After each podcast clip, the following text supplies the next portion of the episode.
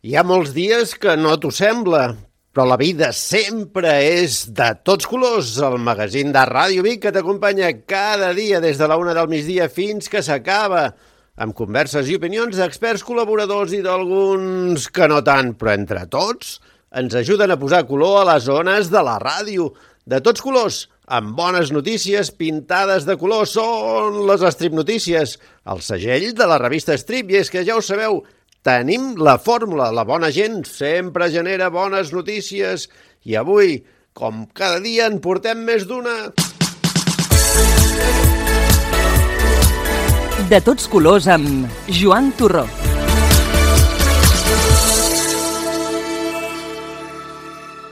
El magazín de tots colors, cada setmana, sempre que pot, el Joan Soler ens acompanya. Joan, benvingut un dia més.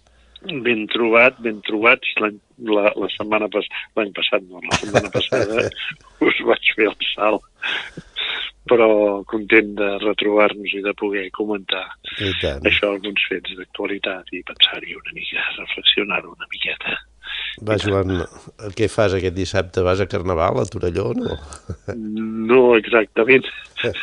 tenim, tenim una trobada una trobada a la tarda que, ja, que anem fent cada segon dissabte i després faré una missa que serem, suposo que serem més o menys els mateixos perquè em sembla que ningú té gaire ganes de sortir. De totes maneres m'ha agradat perquè hi, hi estaré present d'alguna manera. Hi ha hagut una molt bona amiga coneguda eh, mare d'un personatge que ha estat ficat dintre d'una persona excel·lent, que ha estat ficat dintre del món de la política perquè el nostre país i la seva mare viu a Torelló uh -huh. i em va trucar ahir i em va demanar a veure si tenia un mocador d'aquests palestí, una gelada d'aquestes palestines.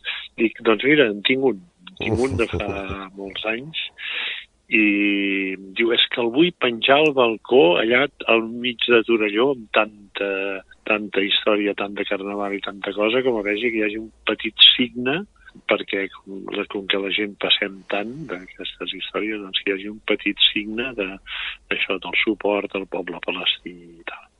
Dic, doncs, escolta, em sembla fantàstic. Te'l preparo perquè demà, avui, que és avui ha de venir aquí per una qüestió mèdica, i estaré present a Torelló amb, amb la, el mocador palestí aquest que li passaré aquesta bona amiga. Sí, sí. Però algun dia t'hi has escapat, no? Algun any? Algun any hi havia anat, ui, fa molts ah. anys, perquè fins i tot des del casal vàrem fer una mena, una de les comparses de les uh -huh. rues aquestes, fins i tot els hi varen donar un premi que devia ser de consolació. No sé si els nanos de casal. Però no s'hi varen fer, s'hi varen fer, sí, sí, vaig anar aquell any. Sí. Aquests dies hi ha una trobada no, de la Fundació Pere Casaldàliga, Exacte, sí, és una trobada que aquest any per primera vegada es fa conjuntament, es fa eh, des de la Fundació Pere Casaldàriga, que potser els que m'heu escoltat ho saben més, el Pere Casaldàriga, però també amb el llegat Jaume Botei. Jaume Botei va ser un home que va ser un religiós també escolapi, i amb altres escolapis alguna gent varen començar fa molts anys en un barri de, d'Hospitalet, a Can Serra, una casa que en van dir Casa de la Reconciliació. I era un espai on al mateix temps eh, servia per fer la celebració de la missa dels cristians catòlics del barri el diumenge, com servia per fer eh, trobades de l'associació de veïns, com per fer un ball de festa major, uh -huh. eh, i continua molt viva, la casa aquesta continua sent un centre d'activitats per tot el barri, que és una cosa molt interessant. Doncs, aquesta Casa de la Reconciliació de Can Serra es farà aquesta trobada el proper diumenge.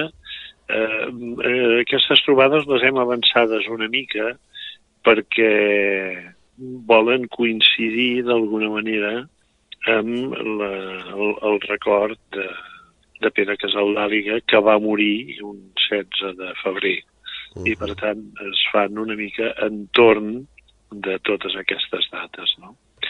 I llavors jo ve un home molt interessant, a més a més, el José Fernández, el José Fernández, que és eh, un frare de brasileny que des de fa bastants anys està treballant molt en tota una colla d'àmbits de solidaritat tant de l'Església com de la societat brasilenya, és a dir, ha treballat en relació amb els camperols sense terra, amb la gent que viuen al carrer a les grans ciutats, en relació amb els pobles originaris, amb els pobles indígenes, en relació amb tot un munt de situacions des de fa molts anys. És un home d'una preciosa experiència. I a més a més a les reunions acompanyaran alguns grups de base d'aquí, de, de Catalunya que estan treballant en, en àmbits diversos, a més a més d'això, de la presència de la gent, del llegat de Jaume Botell, d'aquesta mena d'entitat que és interessant i que acompanya la Pilar Massana, l'entitat aquesta que, que des de fa molts anys ha anat vivint allà a Can Serra, uh -huh. treballant amb tota una colla d'aspectes així i bueno, em sembla que és una proposta molt interessant, molt interessant. El tema, el tema general és el de l'agenda llatinoamericana del 2024, que és de colonitzar el món i la vida missió alliberadora. No? I clar, bueno, és un tamasso, és un tamasso, un tamarro, un tamaco, que diuen. D'això perquè... no en tenim per res amb el matí, eh? Exacte, no en tenim per gaire res però és això, és un punt de, de reflexió, d'inflexió, de, de treball, de sèrie i jo crec que pot ser interessant, interessant. Eh? I per tant es farà passar de la, aquesta mena de bogeria del carnaval, del Carnestoltes, es farà el diumenge 18 la trobada aquesta allà a Can Serra, la Casa de la Reconciliació. Jo crec que, en fi, que és interessant, en tot cas, que ho sapiguem, suposo que se n'acabarà de fer una mica d'informació per mitjans socials, i el tema és per eh, més, més sucós i més actual que mai perquè realment a través dels mitjans de comunicació de tots cantons ens estan tractant de menjar el coco, no? Eh, o sigui, jo, per exemple, segueixo a, a, a alguna gent a Twitter i m'adono de com eh, o sigui, les qüestions d'informacions i contrainformacions dels pro-sionistes i dels pro-Hamas que de, no, diguem que no, no m'agraden ni uns ni altres eh, estan constantment diguem-ne carregant-se tot un munt de coses no? jo estic a favor de, del poble palestí radicalment, uns quants del qual són Hamas, però molts no ho són i estic absolutament en contra del genocidi mista Israel, eh, territori aquest d'Israel i del nou sistema que vol imposar sense atendre mai de cap manera la possibilitat de crear dos estats, etc que és el que s'hauria d'haver fet, però és que això, clar, cada vegada un veu més clar que no lliga ni amb els interessos de l'Iran, ni amb els interessos d'Israel, ni amb els interessos dels Estats Units. O sigui, tothom mira cap a un altre costat. Uh -huh. en tots els aspectes, no? S'està incrementant tota la situació de guerra en aquests, en aquests llocs, les bombardejos i això, eh, les, les càrregues dels uns i dels altres, i veurem a veure com continua això. En canvi, doncs, ahir a la nit estava escoltant unes declaracions de una de les dones que tiren endavant tota una dones iranianes que tiren endavant tota una associació per una mica tot aquell lema que va sortir a partir d'aquella dona que van matar perquè li sortien tres uh, flecs de cabells, no? I de tanta altra gent que han assassinat, encara fa pocs dies han assassinat un, el règim, després de torturar-lo i de empresonar un xicot jove, contrari a tot el règim islamista i tal? I eh, no hi ha manera de que Europa es planti enfront del règim islamista, de les milícies eh, de la revolució de l'Iran, que són absolutament eh, criminals amb tota una colla d'aspectes, i tothom mira cap a un altre costat i tothom fa la vista grossa. No? Hi havia una explicació molt potent d'aquesta dona que és de tota una xarxa que hi ha de resistència a aquest règim, no? I, i, i bueno, com passa també amb tants i tants i tants jueus, evidentment que tampoc estic gens contra tants i tants i tants jueus que estan en contra de tota aquesta massacre del, del poble palestí i que voldrien que es pogués instaurar una, una convivència que funcionés i que valgués la pena. No? Però com que estem tots en mans dels grans eh, creadors, venedors i traficants d'armament i de vides humanes, doncs no hi ha manera de que ens en sortim. De totes maneres, eh, Europa no i, i, i el Borrell són els únics que defensen sí. eh, el, sí, sí, sí, exacte, una mica. El doble estat. Eh? Sí, sí. Sí, sí, sí. El Borrell jo penso que ha tingut una, una actuació i Espanya continuant en el recolzament a l'Organització de les Nacions Unides per als Refugiats, quan tants països europeus s'han esborrat per una notícia d'Israel que, que jo sàpiga no ha estat en absolut confirmada i molt menys encara en les xifres que donava Israel de la infiltració en l'agència aquesta de les Nacions Unides pels Refugiats, sí eh, que, que deia una dotzena, no sé quanta gent, que eren terroristes de Hamas i tal. Bueno, això és això que dic, que ens estan colant per tots cantons, ens colen tot el que poden, i el que és penós és que Europa en faci cas d'això. Sí. Joan, aquests dies, bo, des de fa dos dies, ahir va començar el judici no, contra el Dani Alves. Com ho estàs vivint? Mira, jo crec que és... Eh, primer jo penso que és eh, important i significatiu que una persona eh, pública amb molts calés, amb molts diners, amb, amb, segur que amb influències vàries com Dani Alves sigui jutjat per violació en un cas que vaja, jo el sento com a molt clar i molt, molt evident i que amb el testimoni tant de la noia violada com d'alguna amiga i cosina seva i jo crec que això és molt significatiu i molt important i penso que s'ha de fer justícia amb això i que el Dani Alves ha de, ha de respondre dels seus actes eh, que són uns actes d'una agressió i d'una agressivitat no? una agressió amb agressivitat certament pel que diu el testimoni de la víctima, que jo me'l crec, uh -huh. al revés del que passa amb molta gent que falsegen i disminueixen, diguem-ne, els testimonis de les víctimes, precisament de violacions i coses d'aquestes. Hi ha tota una colla de sectors eh, allò, masclistes que, que, que neguen i que disminueixen i que per què s'hi posava i, en fi, tota una colla d'històries així, no? I jo que i, una mica per horror meu, però que, que m'ha ensenyat molt. He tingut l'oportunitat d'escoltar de, confessions molt doloroses de dones violades que, que m'han explicat el que han viscut.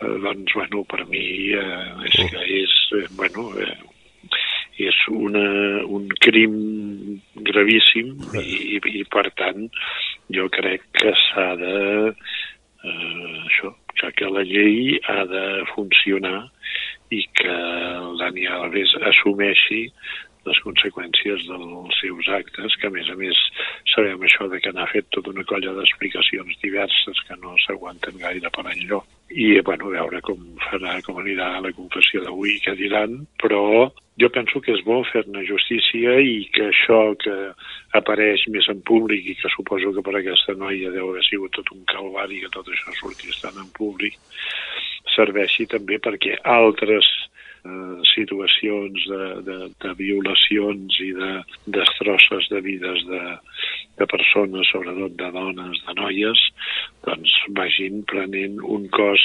seriós en, en la nostra societat no? i que, que realment eh, bueno, hi ha d'haver-hi un càstig dels culpables i una, una reparació, el que sigui. Jo aquí ja no sé què ha de ser concretament, però, però sí, penso que, que és així, que és així i que bueno, els homes ens alimentaran tota una colla d'aspectes. No?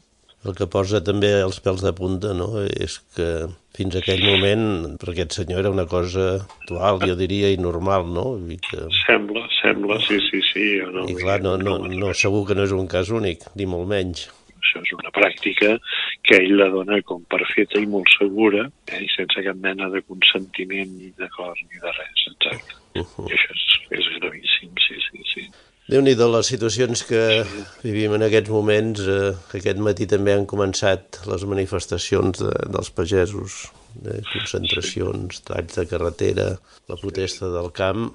Sí, sí, sí, sí, home, és que és, és imprescindible, és que, bueno, això, les nostres, les nostres societats, perquè jo crec que les nostres administracions són reflexos de les nostres societats, o sigui, amb tota una colla de qüestions d'això que són béns de la natura, des de l'aigua fins als conreus que algú està fent i està treballant fins a altres aspectes ja de carns o de peixos o de coses.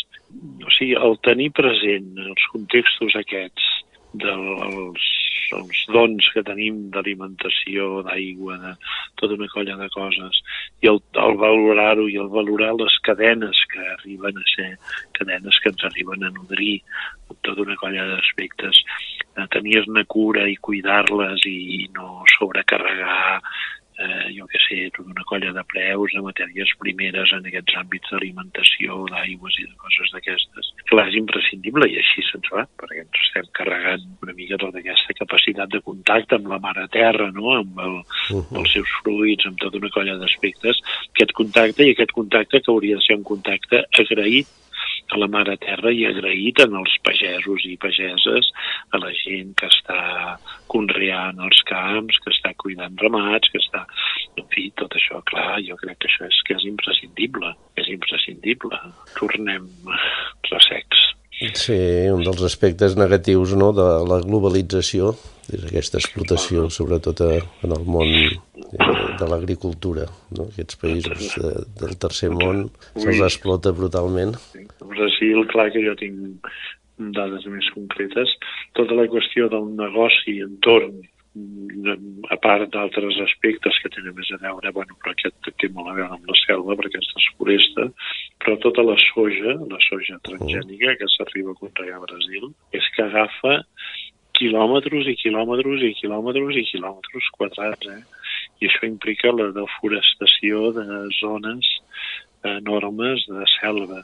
I això, en temps del Bolsonaro, s'ha practicat d'una manera descaradíssima i donant tot el poder als els terratinents, els terratinents que a més a més moltes vegades s'han quedat amb terres que no els pertanyien, a través de tot un truco que consistia en posar un paper que firmaven com a una, un registre de propietat antic i el ficaven a dins d'una capsa amb unes àrnies, unes papallonetes, que amb el amb tot el seu funcionament envelleixen el paper. Això ha sigut una pràctica que han dut a terme molts d'aquests terratinents molts d'aquests terratinents durant molts anys i, i això en temps del Bolsonaro han fet el que els hi ha donat la realíssima gana i a més a més tenen una presència en el Parlament els ruralistes que et diuen que, que és molt potent, molt potent, i és d'extrema dreta, eh? i maten a qui sigui, vull dir, són, són uns animals, uns bèsties. O sigui que això que dius, eh? que en països del sud hi ha unes explotacions de terres i de productes i de tot un munt de coses, i l'altre és el de la carn, que també va lligat als aspectes d'aquests. No? Fem bastant malament amb moltes coses, una d'elles és l'aigua, eh, perquè bueno, ara que s'hi portaran vaixells d'aigua, però clar, mentre avui llegia que el barcelonès nord, no, la, l'Agència mm-hmm. d'Aigües Ter Llobregat reconeix mm -hmm. que hi ha un lloc que durant 15 anys han perdut l'equivalent de, de 68 vaixells d'aigua. No? O sigui, no hem cuidat les nostres instal·lacions, hem malbaratat eh, sense cap problema i ara tots Exacte. són correguites. Exacte. Així, així, així mateix, així mateix, així mateix, així mateix. I això és, és terrible. Sí, sí, sí, sí. No tenim, de moment no, no tenim criteris clars al cap, valors clars al cap que ens facin actuar de maneres que siguin sostenibles. És que, bueno, això, que comptin amb el, la limitació de recursos i la cura de recursos i de, de on es, des d'on es produeixen els recursos, tots plegats, no? I de cuidar-los. Escolta, i encara voldria recordar perquè hi ha, hi ha una cosa que a mi m'ha semblat interessant i és que ara canvio de tema, eh? però sí fer-vos-ho saber i jo penso que és interessant, i és que en Martí Olivella, un nostre veí que ha viscut bastants anys per aquí Centelles i continua força present a la comarca i ha sigut un dels activistes de treball en molts aspectes de, de, per la pau i així, juntament amb una bona amiga bé, que ha treballat molt en cooperació, etc i una altra dona que jo no la tinc tan present, han començat aquesta vaga de fam eh, a favor del poble palestí. I per tant que és, és bo tenir-ho present, que hi ha gent que s'hi juga això s'hi juga aspectes de, de salut i de, per, per ajudar-nos a prendre consciència de tota aquesta situació. Sí. Difícil. Sí, sí, sí. Difícil, sí, perquè, bueno, mediàticament només interessarà si arriben a, a un punt greu. Sí, sí, exacte, exacte. Ja, ja, ja. Sí, sí, per això, per això em semblava bo de, sí. com que se'ns està acabant el temps, poder-ho, ni que sigui dir-ho tranquil·lament, comentar-ho. Espero que vagi sortint alguna notícia, ni que sigui venint això als mitjans de comunicació, etc.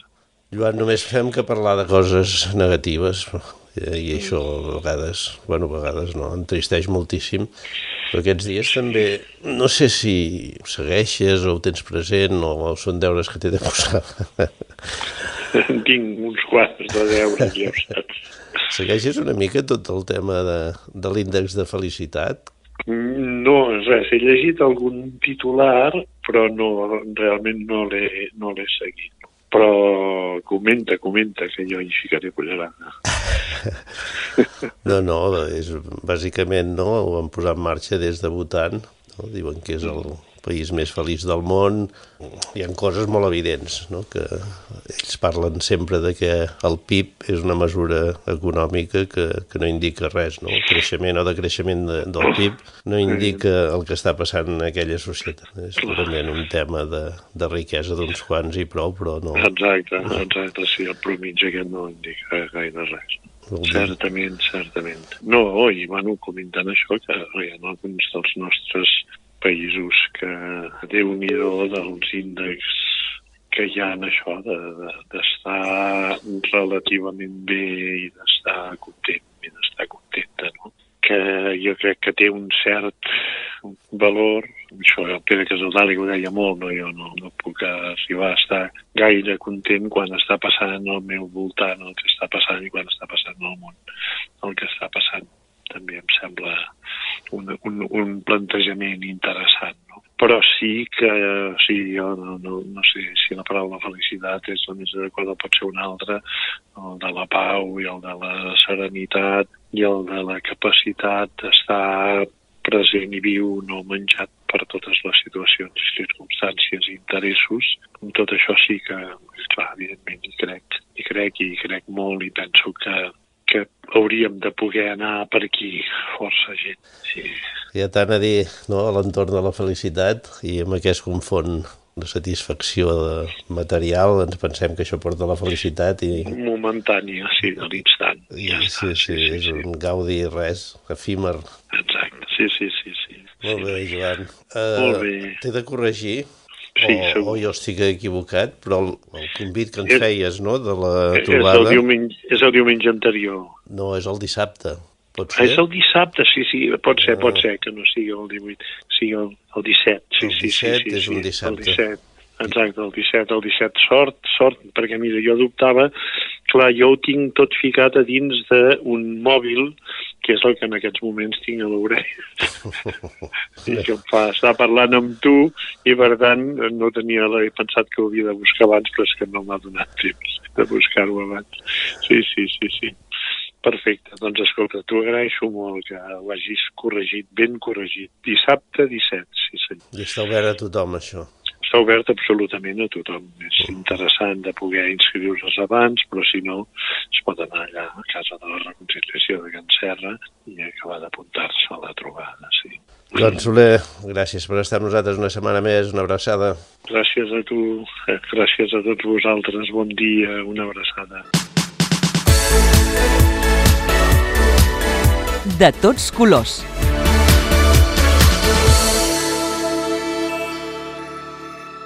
El magazín de tots colors, cada setmana traiem la nostra unitat mòbil amb potes pels carrers de la ciutat i avui ja ha patit quasi un atropellament. Richard, què t'ha passat? T'empaitaven els tractors? Carregada la plaça del Sucre de tractors amb una manifestació increïble. Sí, sí. Ja t'he enviat unes fotos perquè ho vegis, eh? Sí, sí. Estaven tots emprenyats allà en reunions i llavors al cap d'una mica ja han marxat. Esperem que Sí, se- sí. s'arregli tot, no? Que, Que ho arreglen aviat, eh? Perquè, hosti, pa, és molt fort, eh? Tots es queixaven. lògicament, Amb les reunions que feien entre ells era massa. Si els, si els escoltessis era massa. se'ls està explotant a base de bé. I Exacte. no, no està gens bé, no està gens bé. No, no, no, no, és un mal rotllo, eh? Els rics cada dia són més rics i la resta de la gent cada dia més pobra. I el món de la pagesia, tu, que és el que ens hauran de menjar, imagina't, eh? Que hagin de fer aquests recursos, és molt fort, eh? Sí, sí, amb els jornals que tenen eh, aquests països de- d'Amèrica Llatina o d'altres llocs eh, no es pot competir, no? Ni amb impostos, ni amb res. Eh. I això no està bé, no és just, no és just. Però llavors la gent es queixa que els menjars tampoc no és el mateix, eh? Si dir, també la verdura. Esclar que La no, verdura que arriba allà tampoc és pas la mateixa. No té res a veure, clar, però... No té res a veure. Però bueno, és el que volen, explotació i ja està. Sí, sí, però esclar, si poses el preu que costa aquí és inassumible per molta gent, vol dir que Sí. s'hi ha de posar fil a l'agulla. Sí, sí, sí, sí. On estàs ara? Estic en una carnisseria aquí al carrer de Gurb, número 29, la carnisseria que es diu Girbau. I ara pregarem el Montse que acaba de servir i mentrestant et diré tot el que vaig veient, eh? Sort que encara a aquesta hora no entra aquella rasca de la gana, eh? Però hi han des de pizzas, carn de d'allò, perquè són... Què vols dir pizzas? També tenen pizzas, és que a tot arreu tenen pizzas ara. Pizzas Ah, sí? amb, amb carn, sí. Unes pizzas petitetes, que estan molt bé, veig aquí, i veig que tenen, bueno, a part de, de lo clàssic, no? Els embotits ja tallats, amb, amb, amb puestos que fan goig, Uh -huh. tot a casa, llavors ja aquí, doncs, guaita, ja tinc la Montse aquí. Bon dia, Montse. Hola, bon dia. déu nhi no? Vosaltres sou, eh, us ho feu vosaltres, no? Sí, tenim elaboració pròpia, sacadero, de pernils, de llonganisses, fuets, somaies, tot això ens ho fem nosaltres. A més a més, estem acreditats a, a l'associació Sense Gluten, per celiacs, i ho fem tot elaborat sense gluten. A veure, tens una bona exposició aquí, eh? Ara li estava dient a en Joan, tens eh, això que es diuen les sacallones, no? Set tendres, Oh, fuet, eh, llonganissa, tot tipus d'embotit sec, embotit cuit, catalanes, trufades, sense trufar, botifarra d'ou, botifarra de la caldera, de la negra, bulls, tot tipus, Greixons? també, també, també. En els dies dels greixons, no? Ah, exacte, botifarra d'ou, greixons i botifarra crua i de tot tipus, perquè la, la d'ou i la de la caldera també són molt bones a la brasa, eh? És el que espereu aquests dies, no? Perquè aquests dies demà, demà passat, demà passat ja tenim el, el dia Jardí. Ah, exacte, ja el tenim aquí. És el dia que es despatxa més o es despatxa sem sempre? Sempre, per un general, sempre hi ha un nivell més o menys igual. El dia del dijous jardí el que més es demana és la botifarra, evidentment, però es treballa sempre. Quina es demana més, la negra o la d'ou? Uh, per igual, perquè les dues la veritat que són molt bones, eh? Sí, molt bones. Pues si poses les agafes els cascos, ja l'he avisada, Joan, només els cascos. Et passo la Montse. Hola, Joan. Hola, Montse. Hola, bon dia. Què m'expliques? Des de quan ho feu tot això? Bueno, nosaltres tenim la botiga aquí al carrer de Gurb farà sis anys, uh. -huh. al juliol, i doncs eh, des de que tenim carnisseria fa cinc anys, tenim tot tipus de carn, la, tenim vedella, pollastre, eh, conill, porc, eh, de, tenim des de porc 50% d'uroc, 100% d'uroc, ibèric, llavors la vedella la tenim de la casa ben criada, que és assegurada i molt tendra, de, de Girona, i, bueno, i els elaborats ja li deien en Richard que tenim tot tipus d'elaborats i, i evidentment és tot sense gluten i sense lactoses per la gent que tenen intoleràncies i són al·lèrgics. Uh -huh. Però quants anys fa que us hi dediqueu? Uh, amb això, doncs, almenys fa... Bueno, jo fa cinc anys que estic a l'empresa, Mm. però crec que fa uns 20 anys o així és que ja ho tocaven, perquè ja ve de, dels quefes, dels pares dels quefes ja ho tocaven. Uh -huh. I on ho feu tot això? Això tenim tres botigues, Centelles, Tona i Vic, Uh -huh. i llavors el que és l'obrador i la cuina ho tenim a la botiga de Tona. Allà hi ha els sacaderos, hi ha la cuina, i és on ens proporcionen els plats preparats que també tenim, i on ens assequen tot el que és la somaia i llonganissa. Llavors eh, tenim la nau central a Centelles, que és, allà hi tenim sacadero de pernils, i allà ens fan els llescats de- d'envasats de, així de, de llom, de pernil, de tot tipus, des d'enceball de camp, eh, 100% aglà, d'urocs, que és els paquetets que et deien, Richard, que veien aquí ben posadets, i, i la resta doncs, ho fem tot a tona i en aquí també ens elaborem el que és el producte d'hamburgueses, croquetes, tot això ens ho fem directament en aquí cada botiga. I el material, dius que el aneu triant d'on? És de per aquí la comarca o ve de... Uh, el que és la vedella ens ve de vedella ben criada, que és de la part de Girona. Uh Llavors uh, el, tenim el llom 100% d'uroc de bataller, tenim el 50% d'uroc de, de, de mollà, de, vin, de vinyó, i el que és el pollastre això, tipus el del Caselles, i intentem fer una mica de producte de, de la comarca també. Està bé, és important, no?, saber d'on ve Sí. el producte. Sí, sí, a més sempre tenim les fitxes tècniques amb acreditació de tot el que menja cada animal, vull dir que tot el dia.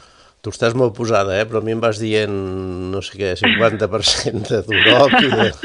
Bueno, això és la raça, és la raça. Això depèn de l'alimentació, té una categoria. Llavors, depèn del que menja, tindrà una categoria més elevada o menys. Això és com els cotxes. Ja des del Mercedes amb un 600. Depèn del Oh. motor que li donguis, no?, la cilindrada. Doncs, clar, sempre comencem per un, teòricament, un país. Nosaltres no toquem país, sempre ja directament anem amb un semi, que ja és port blanc, amb uns mesos de curació, té 12 mesos de curació, llavors d'aquí ja saltem sempre amb un duroc. El duroc és quan la raça ja la barregen amb ibèrica però no és 100% ibèrica. És alimentació i la mare és amb, amb raça ibèrica. I d'aquí ja puja amb els ibèrics i amb el 100% aglà, clar, llavors és, és tot un món, eh? Va pujant segons l'alimentació i el temps de curació que tenen. Està bé, així és un bon rotllo. El Duroc és un bon rotllo amb les Sí, Espanyes. sí, no, no, tot, tot és, és, un, és un món, eh? Perquè ho has d'anar esbrinant tot i, i és, és una llibreta. Està bé. Però sí, sí, molt bé. Però nosaltres ja us ho aclarim. Si veniu aquí, us aclarim la categoria i tot per què és. Està bé, No hi ha està bé. I d'això de fuet i somaia m'has d'explicar també la diferència, perquè jo només veig que un penja recte i l'altre fa curva. Vale, doncs el que penja recte és el, el que és el fuet. El que és la somaia és el que fa tipus botifarra, assecada.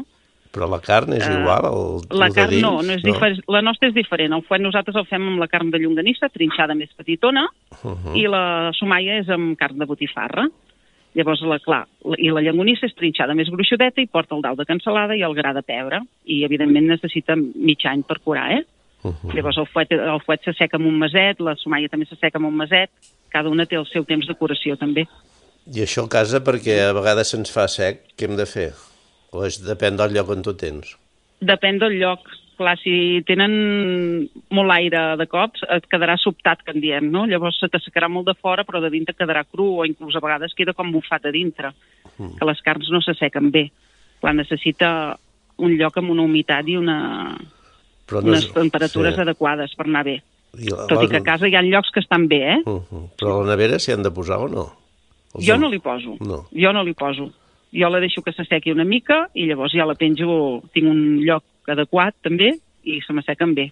Però bueno, clar, Que és trobar-hi el lloc, eh? I tu què, què és el que t'agrada més? Ui, a mi m'agrada tot. per, per sort no tinc, tinc el paladar molt fi, però m'agrada tot. Clar, depèn del que vulguis fer. A mitja tarda, uns talls de llengonissa amb un tros de pa també ven molt bé, eh? Sí. O amb un tros de coca també, eh? Però tu ho tens fàcil, eh? Vas fent tastets. Sí. Ah, sí, sí, i tant. Sí, sí. Llavors es nota, eh, però... No, no. Està bé, però queden... O sigui, es manté el gust o pot anar variant? No, la llengonissa la trobes diferències d'un porc o d'un altre, tot i que es faci sempre igual, eh? Es manté el Mm, gust, sí, es manté el gust, sí? eh? Bueno, clar, nosaltres sempre treballem amb, la- amb la mateixa qualitat, eh? Llavors, la, el gust no ha de variar, inclús, clar, també depèn de la tripa que ho facis. Hi ha gent que ho fa amb tripa de plàstic, nosaltres elaborem amb tripa natural. Llavors té un gust molt diferent, també. Ah, sí? Sí, clar, la, la tripa li dona un gust, una essència, que diem, no? El plàstic és plastificat, llavors és aquell que quan el talles se t'arrenca la pell de tros. En canvi, la, la natural queda agafada i sempre dona mo- molt més bon gust. I s'ha de menjar o no la pell, si és natural? Es pot menjar tranquil·lament, Sí. es pot menjar. L'únic que sí que és veritat que a vegades hi ha gent que hi té al·lèrgia al, al florit natural que fa, eh? que no deixa de ser com una mica com de penicil·lina, antigament en deien, vale? Hi ha gent que no la tolera i és millor pelar-la, però ha, si es vol menjar es pot menjar tranquil·lament, és tripa natural assecada. I això ho cura tot. Sí, exacte. exacte. Molt bé, i ara el dijous llarder a la festa aquesta que, bueno, la plaça és fantàstic. Hi participeu Sí. d'alguna manera, vosaltres, també? No, nosaltres eh, d'entrada no. No hi hem participat mai i ja et dic, de fet fa cinc anys que toquem el que és carnisseria en aquesta botiga i de moment estem molt contents aquí amb el tema botiga ind- independentment i no, no participem amb, amb el, la festa de plaça. Estan eh, així en un lloc eh, cèntric, és veritat, no? Ho Sí. noteu molt els dissabtes, la gent de fora? Home, sí, ens ve Sí. molta gent de fora. A més a més, per sort, pel boca a boca, moltíssima gent s'ho diu una a l'altra, l'elaboració la tenim molt bona, el producte el tenim molt bo, i això fa que doncs, ens vingui gent de totes, de totes els poblets al voltant de Vic, eh? I et demanen de tantes coses com jo, no? bueno, hi ha gent que sí, hi ha gent que sí. A veure, és un món i s'ha d'aprendre, no? I t'agrada que t'expliquin el, que, el que vols comprar, això sí. I evidentment ens encanta, a mi m'encanta explicar-ho, eh? No, no. no hi ha problema. Va, una darrera de botifarra s'enfada de totes menes, ara. Feu, feu Sí. algun invent, també, vosaltres? Bueno, nosaltres sempre anem variant, solem fer, la, tenim la botifarra ibèrica els caps de setmana, a partir del dijous, llavors tenim també, cada setmana variem de gustos, fem de botifarra de peu de porc cuit, d'alls tendres quan és la temporada, d'escalivada, de, de bolets, depèn de la temporada, solem anar variant. També depèn del temps que tenim, a vegades anem una mica apretats i no ens dona per tot. Vol dir que això eh, té data de, de caducitat, més que de caducitat, vull dir que en feu els Sí, que bueno, podeu i punto, no? De... també és això, que volem que el Mhm. producte sigui fresc i Clar. de temporada. Llavors eh, no ho farem uns alls tendres en, en ple mes d'agost, saps? Mhm. Perquè sabem que no n'hi ha. Llavors, el producte que sigui fresc o de calçots, ara, ara que és l'època, doncs de calçots també en fem. Tot va una mica sobre la temporada que estem passant. Eh? Fantàstic, doncs, per tota aquesta informació que ens has donat, Montse, gràcies per atendre'ns. Molt bé, a vosaltres. I el Richard, de quina categoria el veus? Així és per Oh, l'alimentació. no? El veus Fantàstic, sí, està igual que fa 30 anys enrere. No passen els anys per ell. És un bon duroc, eh? Gràcies, Montse. Adéu. Vinga, tu, Joan, adéu. Bueno, ja, ja has dit la teva també, no? Home, t'ha deixat bé, eh? Te diu que ets un bon duroc. Sí, sí, sí. També veig que té una, una exposició de formatges que no tot t'agraden molt. Increïble, eh, també. O sigui, has de venir a treure el cap aquí, eh? I tant. Tot el que ens Doncs has bueno, explicat i Joan. recomanat, segur. Sí, sí, sí, ho tenen tot increïble, eh? A més, estàs aquí dintre i sents aquella oloreta, saps? De carnisseria autèntica, saps que és diferent? Molt bé, molt bé, molt bé. Dijous aniràs a la plaça? Sí, sí, sí, sí, espera que els dic adéu-siau i surto fora, eh? Vale, que vagi bé, adéu-siau. Adiós, adéu. Ara ja sóc a fora. Dijous aniràs a, a la plaça? A la plaça, com sempre, no? El dijous llarder, i tant. Sí, sí, sí. És el que toca, no? D'entrar I a més aquest any hi ha molta, hi ha molta novetat, eh? Avui he llegit que tenim gent d'aquesta de qualitat, no? De restaurants, Sí, cuiners, cuineres. Ah, hi ha el Tenim concurs aquella de... cuinera tan famosa de TV3, d'aquella primeta, que fa molt riure. Sí, sí, sí. Hi ha concurs de truites. Això segur que guanyaries si et presentessis. Sí, i, jo m'hi havia de presentar, te'n recordes que havien quedat? Sí, I segur, i segur, segur que la meva especialitat amb la truita quedaria bé. Encara tens temps, eh? No, no, jo ho faria, eh, però no, aquest any no encara, eh? No? Ja tinc temps, encara sóc jove, tinc molts anys per endavant. Bueno, està bé. La Montse diu que estàs igual que fa 30 anys enrere. Sí, va bé, eh? Sí, de que fa 30 anys en tenies... Eh, va, és igual. Sí, en tenia, en tenia menys. Ara, ara pel març seré el 57, doncs imagina fer números. Molt bé, Richard. Doncs la setmana que ve hi tornem i ens expliques com ha anat també el dijous llarder. Exacte, sí, sí, sí, ho explicarem. Que vagi bé, Joan. Bon dia a tothom.